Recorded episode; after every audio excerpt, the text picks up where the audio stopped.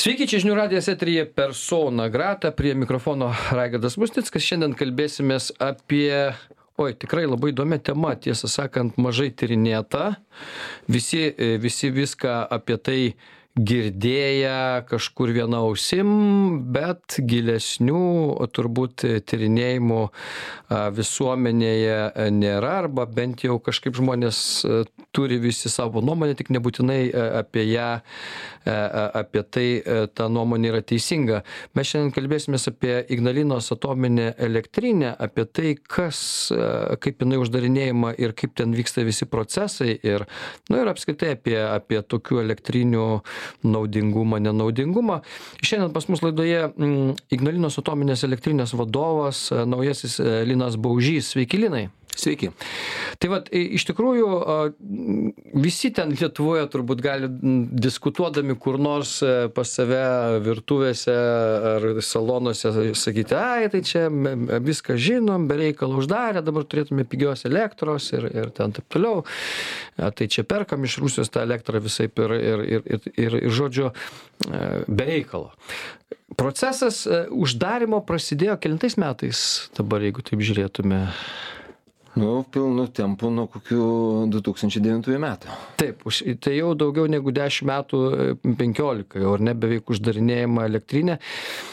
Sakykite apskritai, jūsų akimis žiūrint, kas būtų, e, jeigu mes būtume neuždarę šitos e, Ignalinos atominės elektrinės, kalbant apie tai, būtent tokia apimtimi, kokia jinai buvo RB, kokie ten MK, MK, jo tipo reaktoriai rusiški, inžinierija visa rusiška ir visa kita.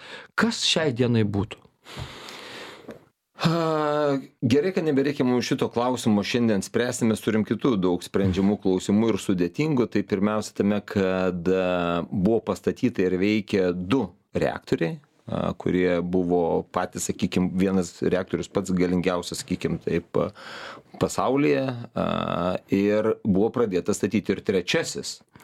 Tai gerai, kad, sakykime, sustojom ir to nedarėm, nes mes šiandien turim labai daug iššūkių, kaip išardyti, išmontuoti saugiai tos du blokus, du mhm. reaktorius ir visą kitą įrangą, kur yra uh, radioaktyvi užteršta. Tai jeigu turėtumėm trečią bloką tai turėtumėm dar daugiau iššūkių ir tai kainuotų daugiau pinigų.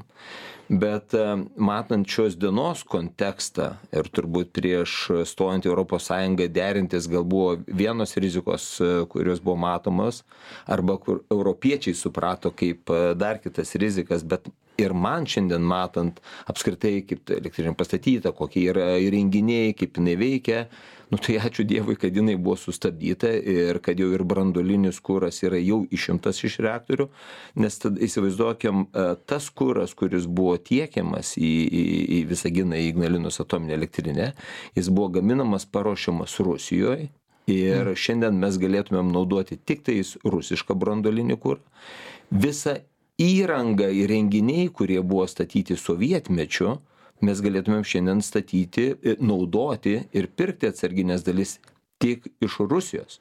Ir jeigu norėtumėm saugiai ją eksploatuoti tai turbūt saugiai mes to negalėtumėm daryt nes nu tai tiesiog kaip žiguliukas ane koksai kur tu nu gali kokią greičių dėžę gal japonišką. Nu ir pala nematė tegul važiuoja tas žiguliukas dabar šiandien užsidėjo istorinius numerius ir tai gali sakyti retro.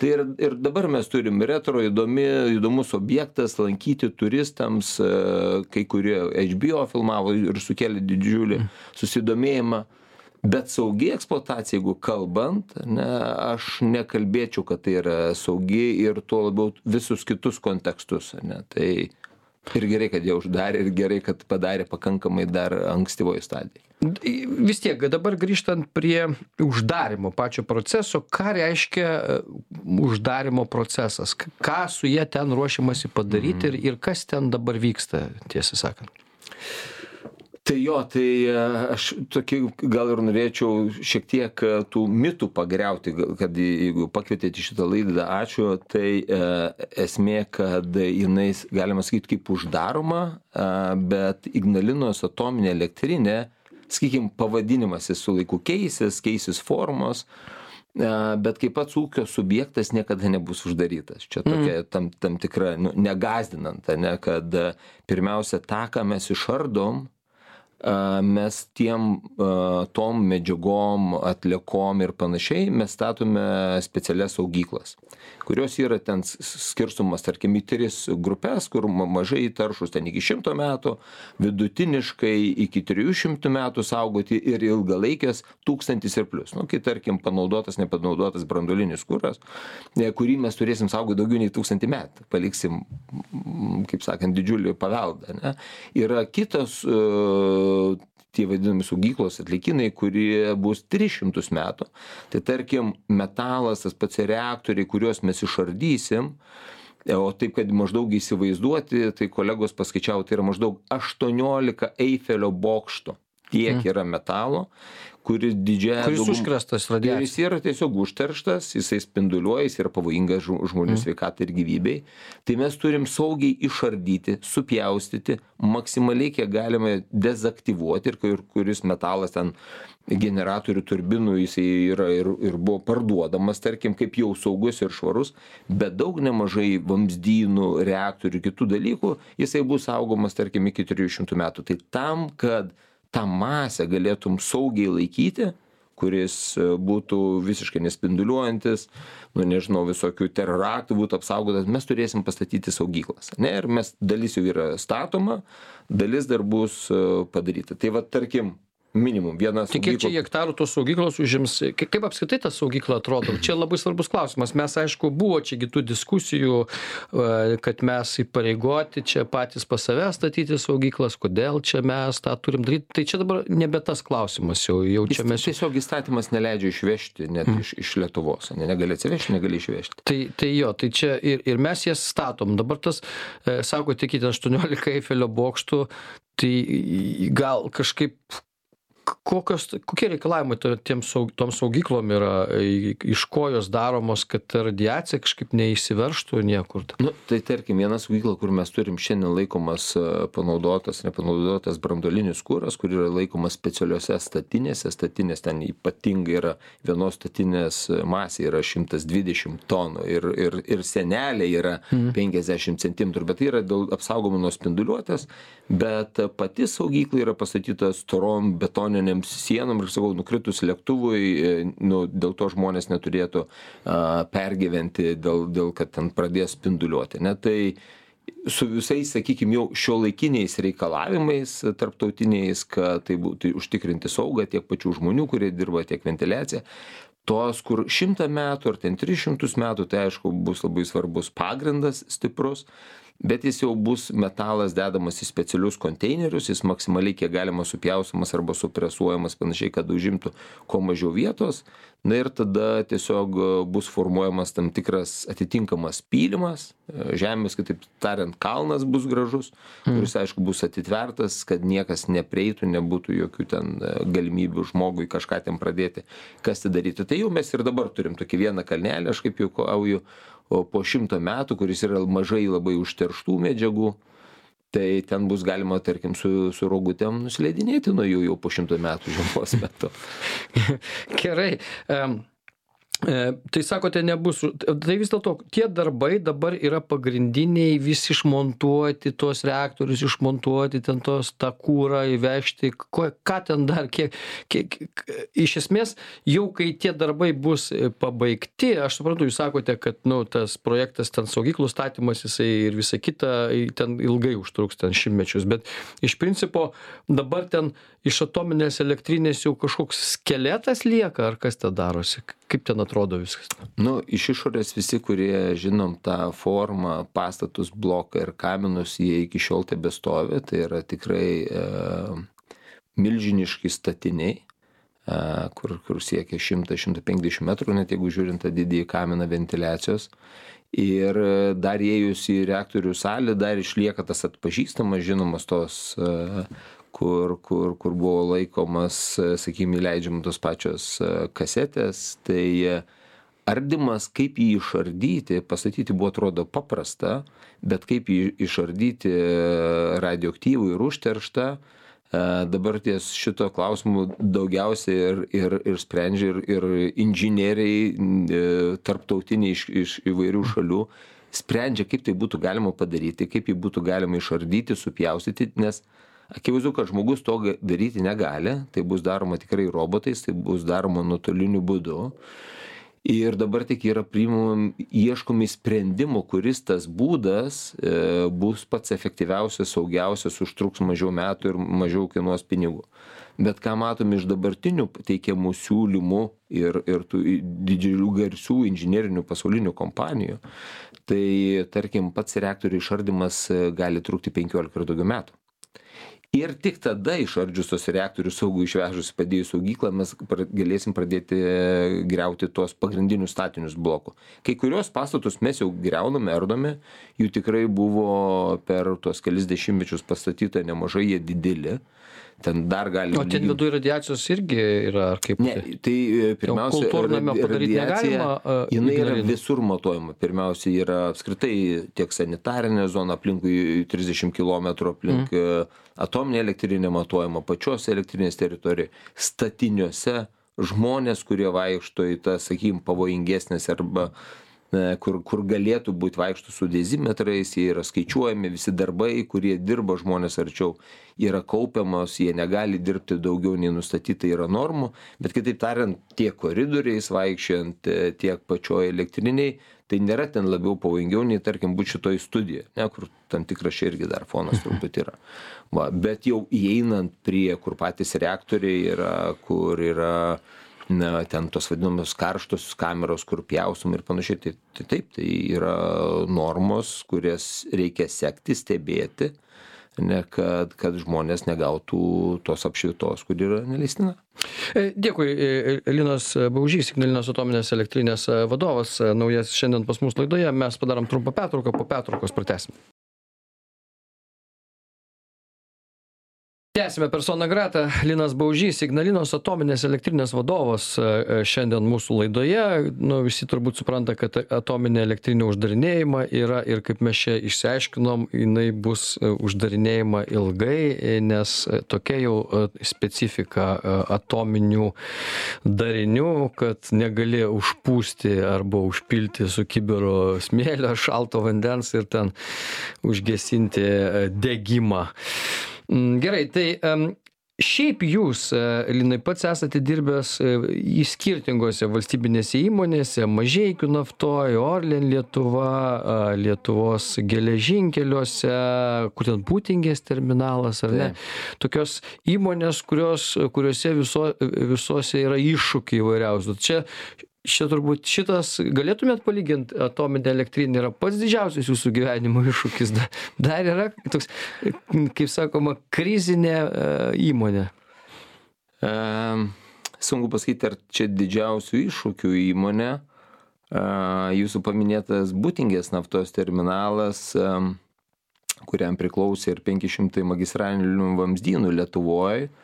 Sakyčiau, iki šios akimirkos turbūt ten buvo didžiausių iššūkių, nes tokie bu- skambėdavo anksčiau spaudoje kaip įsigeržimai nelegalūs prie magistralinio vamzdyno. Bebrai pragriaužė žarną, įsiliejo ten keliuose hektaruose dizelinas ir, ir yra tekę prieš, prieš tarp kalėdų ir naujų metų praleisti laukuose savaitę su komanda minus 20 laipsnių su, su guminiais batais, e, likviduojant avariją ir po to dar besitęsiančią kelius metus tą avarijos patį likvidavimą ir su tom išeinančiam pasiekmėm. Tai, nu, ten tikrai man buvo gyvenime jaunam specialistui, mm. nu, nes specialistai aš tada buvau ir vadovas, ir, ir avarijos likvidavimo vadovas, už tai buvau atsakingas, tai buvo daug iššūkių. Ne? Tai, e, na, kaip, kaip, kaip jau ir kalbėjom, čia pradžio turbūt ne karma man yra, kad e, ateiti į, į tarptautinę kompaniją klestinčią ir viskas yra sudėliota, corporate policy ir visi kiti tenais pliusai ir daug čia nieko nesugadink arba čia viskas taip organizacijų veikia.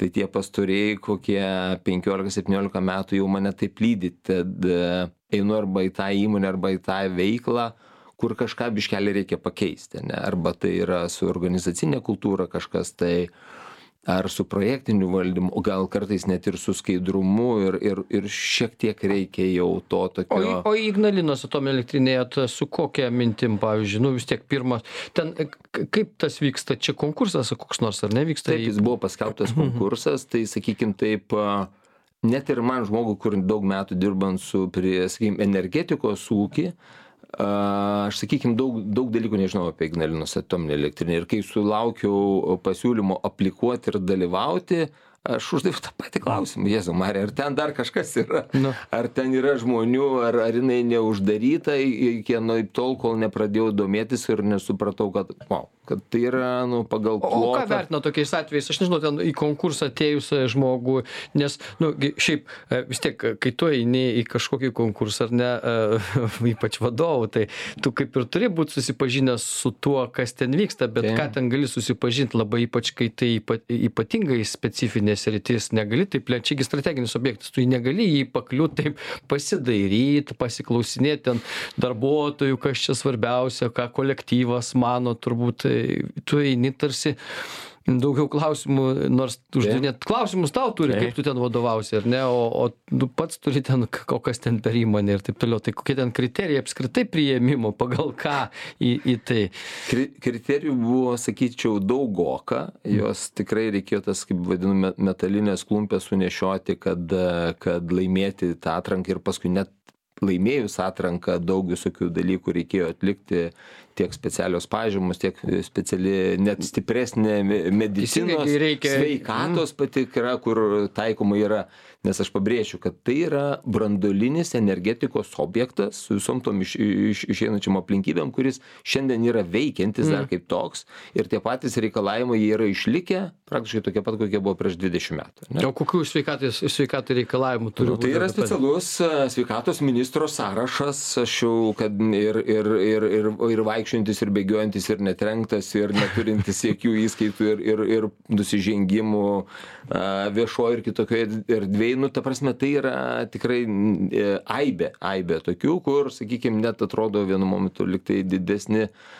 toks e, lyrinis nukrypimas, besitikrinant sveikatą, sutinku vieną iš savo traukinių mašinistų. Ir jis įrodo, nu, sako, parodyk vadovė, kiek čia pas tave reikia, kiek čia per tų kabinetų pereiti. Ir aš jam parodau tą vadinamą žemėlapiuką, kiek prabėgti kabinetų. Oho, sako, daugiau nei pas mane. Nu, čia matyti, o, aš- o jis tai dar nežinojo, kad aš paliksiu įmonę greičiausiai.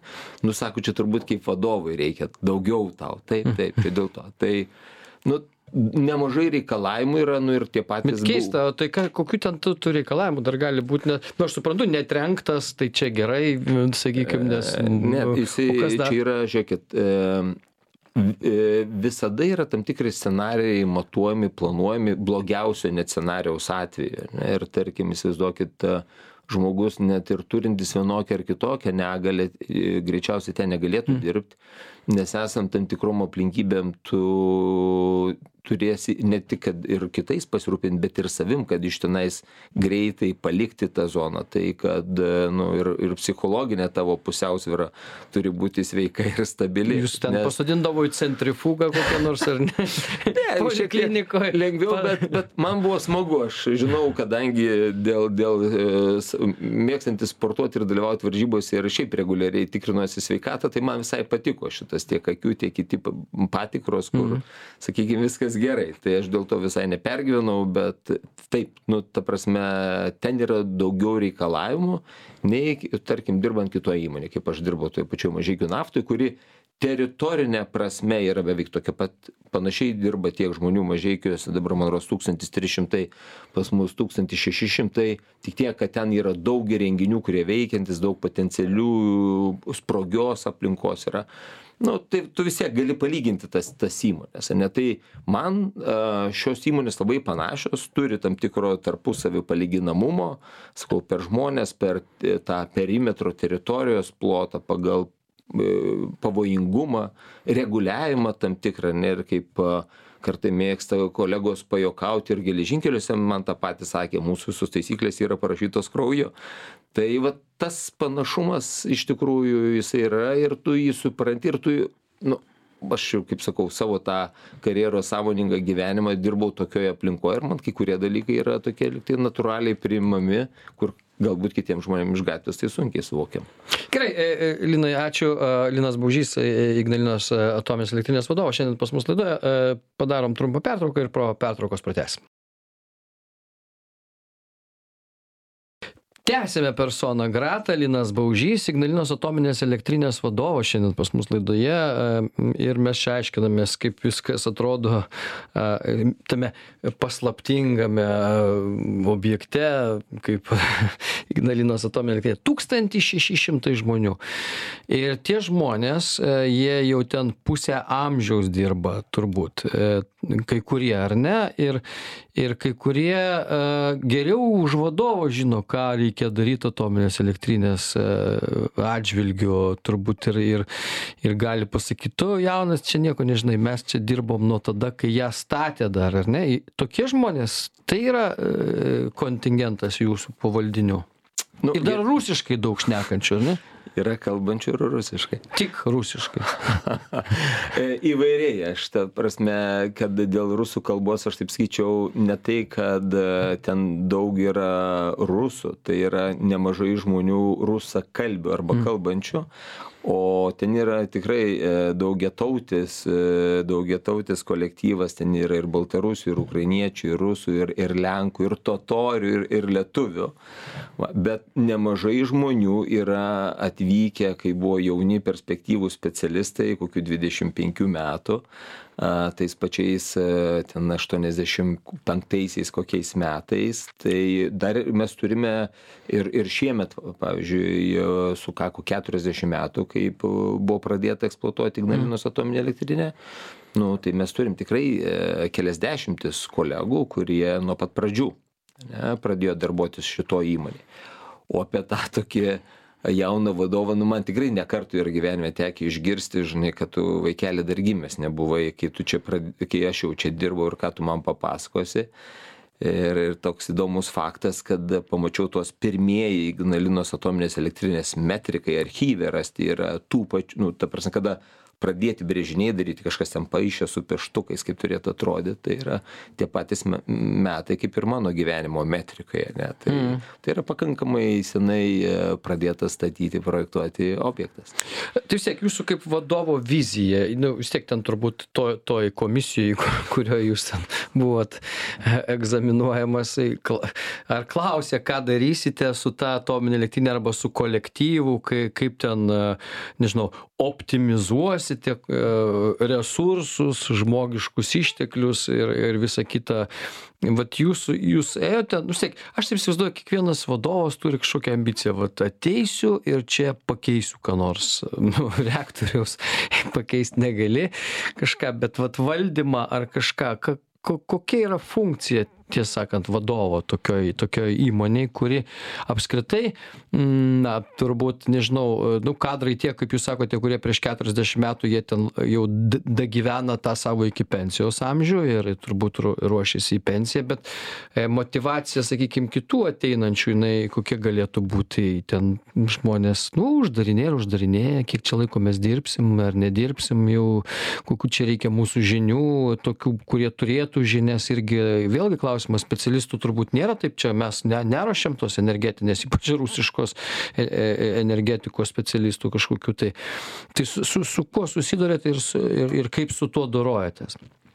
Daug gerų klausimų uždavėt. Matomai laiko neužteks šitos laidos bet pabandysiu kažkaip galima e, glausčiau. Tai aišku bet kokiu atveju prieš ateidamas į kiekvieną įmonę ar aplikuodamas ar dalyvauti tu paklausi užduodi tą paprastą klausimą žinai ar ar ar organizacija sveika žinai ar o ta organizacinė kultūra ar jinai nu karščiuojanti ar puikiai veikiantis. Tai nu tuos pirminius vis tiek tu pasidarai ir bet kokiu atveju net ir aplikuojant šitoj man reikėjo paruošti pristatyti savo tuo penkies penkių metų tos vadinamosios mano kadencijos programą ne tai kas kaip aš matau šitą įmonę kurioje galėtų eit tai mes pirmiausia paliečiant tą patį amžių tai sakykim esam tam kartų pokytyje pirmiausia yra dalykų taip kad artimiausiu metu žiūrint į statistiką sakykim a per artimiausius metus du šimtai žmonių vien vien jiem sueina pensijinis amžius ane ir aišku tai žmonių pasirinkimas palikti įmonę ar nepalikti nes pensija nėra liga ir jie gali tęsti ir jie turi daug kompetencijų kvalifikacijų žinių kurios yra reikalingos kad dalintųsi. Kita dalis yra naujoji karta kaip aš minėjau kadangi šita elektrinė niekada neužsidarys kaip įmonė kaip objektas tai mum žmonių reikės ir va dabartinis tas etapas yra vystant statant toliau. Ir aš dar taip nu net drąsiai kalbėčiau vis tiek kad lietuva visgi būdama ta trisdešimties iš pasaulio branduolinių valstybių klubo narė mes dar visgi tokie esam kad neprarasti tos kvalifikacijos ir kompetencijos kad ateity galėtumėm vystyti ką mes matom po apie keturiasdešimtus metus lietuvoj elektros energijos poreikis išaugs septynis šešis kartus tai nu tikrai neužteks e, saulės baterijų ir ir vėjo jėgainių prie ko mes irgi šnekam ir toliau dėliojamės kaip galėtumėm tapti tie neutralūs nes iš didžiausių gamintojų tapom dabar beje vis tiek esam vieni iš didžiausių elektros energijos vartotojai kaip galėtumėm tapt neutralūs čia irgi reikalingi sprendimai. Ir kitas dalykas jau eilę metų lietuvoj nebėra nebėra ruošiami branduolinės energetikos specialistai branduolinės energetikos radioaktyviųjų medžiagų ir panašiai. Ir šitų kompetencijų mum reikėjo ir reikės ateity tai apie tai ir ir kalbame ir netrukus pradėsim pokalbius su konsultacijas su lietuvos universitetais kad atnaujinti studijas būtent šitų kompetencijų žmonėm. Ir jeigu ateity mes visgi lietuva nuspręs kad e, branduolinė energetika nėra tokia naujoji branduolinė energetika nebėra tokia pavojinga ir kenksminga ir visgi tai yra švaresnė ir tvaresnė tarkim negu negu saulė ir vėjas šiuo metu tai nu mes turėtumėm būt tie galbūt mes nebūsim statytojai bet arba stai steigėjai vienokia ar kitokia forma ir turbūt nu sunkiai sutiktų vienas ar kitas lietuvos rajonas jeigu būtų statoma arba šalia vilniaus nauja branduolinė ar atominė elektrinė nesvarbu kaip ją pavadinsim turbūt visaginas bus tas miestas kuris labiau sutiks kad ten būtų statoma. Ne tai labai svarbu tų neprarast ir toliau vystyti ugdyti kviesti jaunus specialistus nes technologijos keičiasi kalbėti ne apie rbmk tipo reaktorius kuriuos reikia išardyti bet apie naująsias technologijas kaip tvariai kaip gražiai prižiūrėti valyti ir galų gale mes turim daug nepanaudoto ir panaudoto branduolinio kuro. Ar tikrai jį e, kad yra ir tos saugios technologijos kaip kasti ten septynis aštuonis šimtus metrų į žemę gylyje specialius bunkerius padarant kad niekam nekeltų ateity pavojaus o galbūt duoti mokslui bandyti ir technologijos keičiasi pažanga vis tiek vystosi pritraukiant mokslą kaip tas radioaktyviąsias atliekas sutvarkyti greičiau arba kitaip tariant dezaktyvuoti tą metalą betoną ne per tris šimtus metų galbūt per dvidešim metų arba per dešim tai su mokslu bendradarbiavimą aš matau kaip vieną iš kertinių dalykų ir tuo pačiu taip prikviečiant jau naująją energetikų ir kitų naujų technologijų žmones. Gerai, o pa, pats, kai atėjote dirbti į, į, į atominę elektrinę ir su kolektyvu susidūrėt, jų motivacija kokia yra apskritai, ką kaip žmonės mato ten savo nežinau perspektyvas darbo karjeros e, jie įsivaizduoja kad ten jie e, dirbs iki nu ypač jaunesni iki pensijos ar ar ką. Ir net jeigu kai sakote universitetai o ką universitetas jisai gal gali ruošti bet ar tai nėra specialistų ruošimas į stalčių? Nu priklauso nuo to gi ar mes tapsime e, branduolinės energetikos šalimi ar ne. Čia klausimas toks. Buvo gi bandymų tą daryti a statyti galvoti apie tai ir ir čia ne viena valdžia e, ir gi reaktoriai buvo ten jau žiūrinėjami turbūt e, kokie ten dabar aš neatsimenu kokia japonų firmos Hitachi. Hitachi nu, yra dabar kitos technologijos, yra tie važiai, vadinamieji maži, mažieji bra, tokie moduliniai reaktoriai. Bet kol kas kurie... apsisprendimo vis tiek mes neturim, ar statysim ar ne. Tai, tai tie specialistai, kur jie nueitų, jie dirbtų pas jūs įmonėje tik tai ir kol čia. Nu, tai procesas. aš sakyčiau taip, tai tiek pas mus tai tie tiem patiem studentam reikia ane kažkokio tai kažką pamaigyt kažką čiupinėti kažką suprasti kad tai yra ateitis ir potencialo. Tai aš sakau net per vien mūsų projektinę veiklą mm. kurių turime dabar ten sakykim aktyvių trisdešim projektų ir ir dabar matom per artimiausius metus turėsim apie apie penkiasdešim šešiasdešim projektų kurių vertė viršija pusę milijardo eurų. Ir lietuvoj tiek įmonių su tiek įvairaus tipo projektais verte nėra labai daug tai e, tiek per tų pačių projektų valdytojų mes nu galėtumėm būt e, kaip sakom geras sendboksas ane arba organizuoti hekatonus kurie ateitų ir tą ką mes suprantame dabar pritraukiant mokslą kad jisai demonstruotų daugiau pažangos ane bet grįžtant prie tos e, branduolinės energetikos vystymo tai aišku dažnai yra nu tam tikra informacijos irgi stoka trūkumas. Tai jeigu tarkim anksčiau statant e, atomines elektrines nu tu ją pastatei ir kažkaip kaip ten bus kaip nebus. Dabar statant naujas e, atomines elektrines tu jau dabar turi tiksliai suplanuoti kaip ne tik tu eksploatuosi ją kaip tu ją nutrauksi kaip tu išardysi kur laikysi branduolines e, atliekas ane kiek tai kainuos tu turi įtraukti kainą. Ir ir kitas variantas jeigu mes jau pastatėm atominę elektrinę ir turim pastatyti saugyklas atliekynus kur laikysim tą panaudotą branduolinį kurą ir mes vis tiek turėsim statyti tai kodėl nepastačius dabar kitą Mhm. mažesnę atominę elektrinę nes mes jau turėsime saugyklas kur laikyti. Kitos šalys neturi ir visi tos pačios e, su baterijom klausia o kur dėsim matyti baterijas ane? Tai mes norim nenorim mes jau lietuvoj būsim pasistatę ir galėsim laikyt Kitaip Tai- sakant, tai kitaip atsiranda sakant, mums, sinergija mums išnaudojimas jau ką tu padarei anksčiau tu gali duoti gerą impulsą ateičiai žinai O, o, o perspektyvos vis dėlto, kaip Jums atrodo, vat Jūs sakėte, mes esame ta šalis, kuri vartosime daug tos elektros energijos, čia dabar tų visokių parkų stato, kur jūroje, žemė ir kur tik tai nori, bet jis neužteks, į- kaip Jums atrodo, reiks remtis, nes kitų alternatyvų kažkokių, kas čia dar kronis gali kažkiek dar tos energijos pagaminti, bet iš esmės, iš esmės turbūt, jeigu daug bus vartojama, tai reikėtų statyti ar ne, kaip jums atrodo, kiek tai kainuotų mums? Nu tai čia sunku šiandien įvertinti aišku tai kainuos kelis papildomus milijardus eurų bet e, nu mes jau tokie esam turbūt vartojantys padarai kur norim nenorim vis tiek nenorim išeit iš komforto zonos ir čia yra Nes natūralu tokie iš kosmosų skrendi ten ir matai, va, tamsu viskas, o čia lemputė tokia šviečia, ir žemynė norim, kad jie visur šviestų ir kad ir moderniai ir įranga. lemputė sk- labai sk- skaičiai šviečianti, norim tapti tokia valstybė. Bet e, ar, ar, ar mums vis tiek atominė energetika, jinai tokia yra, galim statyti, galim, galim tinklais atsivaryti tą elektros energiją iš vakarų, ką ir darom, jungti, statom įvairias ir visą kitą, prie tų prisijungti, kurie jau turi tas atominės elektrinės iš esmės.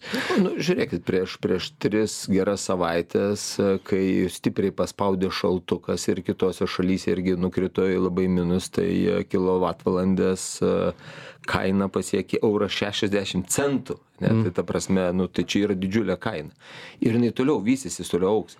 Ir jeigu mes sakom apie tą klimato švarą, ekologiją, tai kur ar kogeneracinės elektrinės ar dujinės elektrinės kūrenimo, jeigu dar prieš dešimt metų sakėm ar dabar, kad jos yra švaresnės nei kūrenti mazutą ar kitus, tai tas vis tiek šilumą sukeliančios dujų efektai jos niekur nedingsta. Ir klausimas bus, ar už 20 metų, pavyzdžiui, ES taip pat nesvarsys, kad kogeneracinės elektrinės, ei, klausykite, jos irgi tą patį daro, jos irgi išmeta šilumą, garą ir panašiai.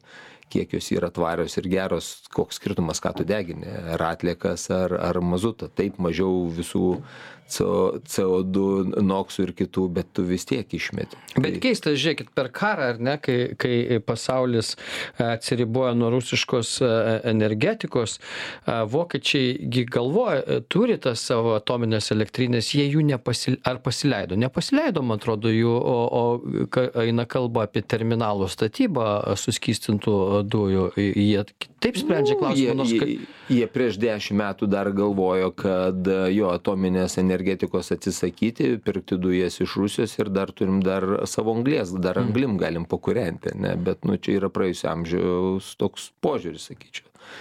Ir vis tiek, kad ir kaip besistengtumėm, kad ir kiek bedėliotumėm, nukrautumėm visus savo pievas ir laukus e, saulės baterijomis, tai jos vis tiek turės didžiulį impulsą, kada sukurs daug elektros energijos. Bet kai naktis tamsu, nėra vėjo ar šalta, mums vis tiek tos elektros trūks ir mes vis tiek turėsim galvoti. Ir, ir kitos šalis e, vis tiek sugrįžta prie branduolinės energetikos ir niekur mes, man, manau, arba nustosim mažiau vartoti, kas mažiau tikėtina, arba įrenginiai taps žymiai dar efektyvesni, kas irgi yra svarbu, bet e, nu, ateis vis tiek tas laikas, kada mes prie tos temos sugrįšim. Įdomu, aišku, tas sugrįžimas, jisai kol kas niekas apie tai nešneka, bet tai yra dabar nešnekės, nes pinigų reikia matyti kitiems dalykams, kur visur trūksta. Tai, tai vis dėlto, jūsų jūs per savo tą vadovavimo laikotarpį kaip įsivaizduojat ką ką kas kas kokie jūsų vat vis tiek tikslai e, kolektyvo atžvilgiu e, tūkstantis šeši šimtai žmonių ar ten kažką reikia jom jiems juos optimizuot ar vis dėlto e, sakykim kažkaip laukti kol ateis nauja karta nes mygtukai tai seni ten likę ar ne?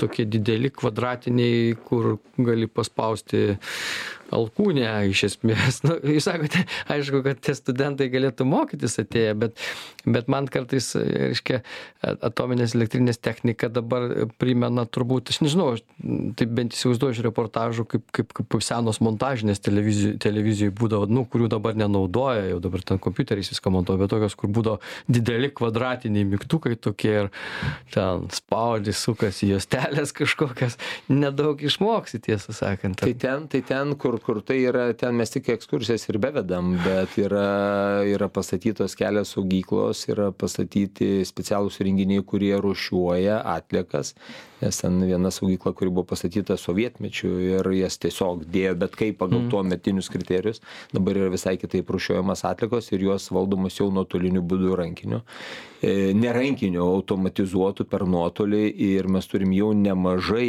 įrenginių ir tų rūšyklų ir deginimo ir pjaustymo kurie yra daromi jau su su tais vadinamais manipuliatoriais panašiai kaip dabar nebūtinai pilvą perpjauti kad padaryt operaciją. Užtenka poros skylučių ir tau operacija padaryta. Tai mes jau dabar dirbam su tokia įranga. Tiktai sakau čia yra tie senieji naratyvai ir mitai. Tai ten kur vedam ekskursijas taip ten galima pamatyti tuos didžiulius mygtukus ar tumblerius ar kaip jie ten besivadintų tuo tarpu mes turime naujų įrenginių ir technologijų kur jau pagal šiuolaikinius kriterijus ir normas yra rūšiuojama pjaustoma deginama ir panašiai.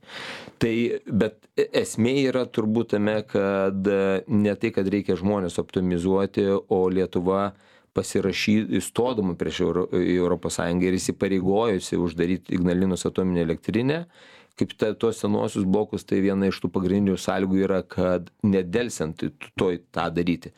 Pasauly yra šimtas elektrinių kurios ir nu nu nustojo gaminti elektros energiją bet jų nieks nepuola labai išmontuoti. Lietuvoj mes turim tokį įsipareigojimą mes tą turim vykdyti.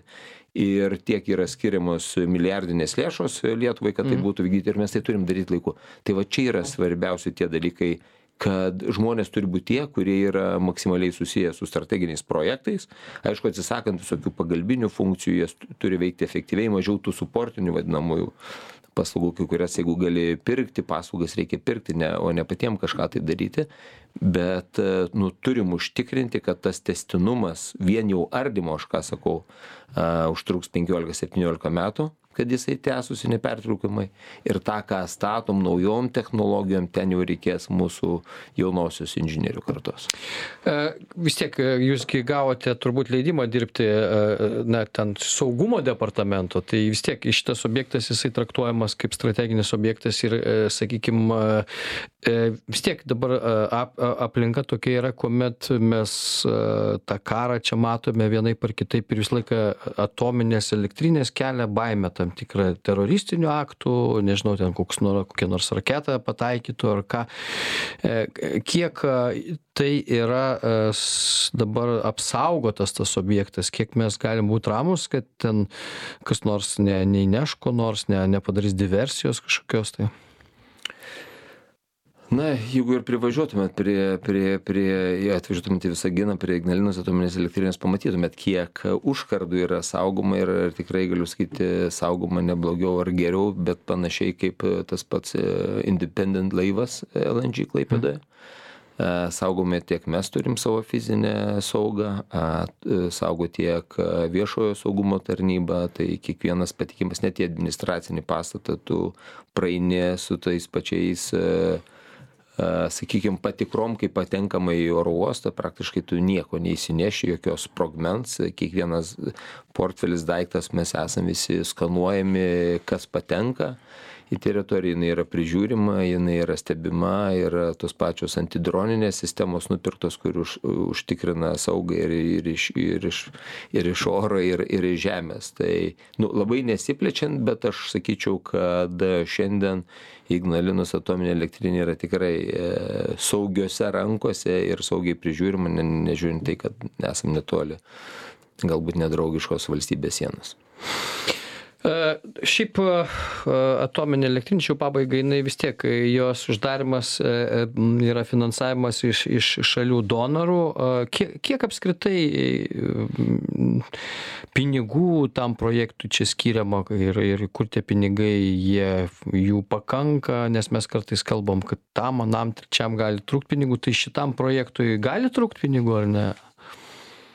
Jeigu rodysim pažangą ir eisim koja kojon pagal nustatytus e, grafikus tai tų pinigų netrūks nu dar nebuvo tokio momento kai mes kažkur sustotumėm ir sakytumėm žiūrėkit nebegalim tęsti darbų nes nebeliko pinigų tai turime užtikrinimą tą fin finansinio periodo iki dvidešim septintųjų metų. Tai iki to dvidešim septintųjų metų periodo pabaigos galim būti sakykim drąsiai ane tų pinigų mum už užteks o kad naujam periodui finansavimo būtų tai teks e, derėtis ir tartis bet aišku kaip aš savo komandai sakau labai svarbu demonstruoti pažangą dabartinių projektų valdymo. Jeigu tu atsilieki neįgyvendini tai gali ir mm. negauti tų pinigų ane sakykim arba tos dalies ko tikiesi. Bet bet šiandien o jeigu ne vat gali hipotetiškai būt kad negauni ten sako donorai ei viskas atsibodo čia tie nu tai čia yra dvišalis susitarimas ane tai jie įsipareigojo finansuoti mes įsipareigojam daryti. Jeigu mes kažko pradėsim nebedaryti tai turbūt ir kita šalis gali uždavinėti sunkesnius klausimus. Tai mm. jeigu mes vykdysime savo įsipareigojimus, kuriuos esam davę, aš net nebejoju, kad kita šalis taip pat laikysis. Jeigu, nu, vat staiga neduotų pinigų, nu, vat, hipotetiškai, tai, tai ką mes tą, atom, ką, kas čia toliau reikėtų daryti? Nėra uždarimui pinigų ir ką toliau jinai nei veikia, nei, nei elektrą gamina, nei šiaip uždaryta jinai. Kas ten vyksta toliau? Verda katilas ir ir ne, tai, tai ypatingai, ypatingai nu, tai sakykim, tas yra, kas gerai yra, kad pats brandulinis kuras, jo kasetės yra pilnai jau išimtos, jo mm. jų nebėra toj vadinamoji sen, senoji teritorija blokė, yra patalpintos naujose saugiose saugyklose. E, kas yra svarbu toliau būtent išardyti tą patį seną reaktorių, kita įranga, kur yra vamzdynai, e, kurie buvo, ėjo per, per, per juos garas ir panašiai, vis tiek yra irgi užteršti. Tai būtinai tą tęsti. Aš nu, ne, nekeliu savo klausimo, kas būtų, jeigu būtų, nes artimiausių, sakau, periodų, 3-4 metų ateitimum tas tikrai negrėsia tikėkimės kad viskas bus gerai. To ir linkiu jums. Linas baužys ignalinos atominės elektrinės e, vadovas šiandien buvo mūsų laidoje. Ačiū linai kad atvykote. Iš tikrųjų baisiai įdomus objektas jį patyrinėt iš vidaus. Ir ir smagaus mums visiems tyrinėjimo jums gero darbo ir iki kitų kartų. Ačiū. Dėkui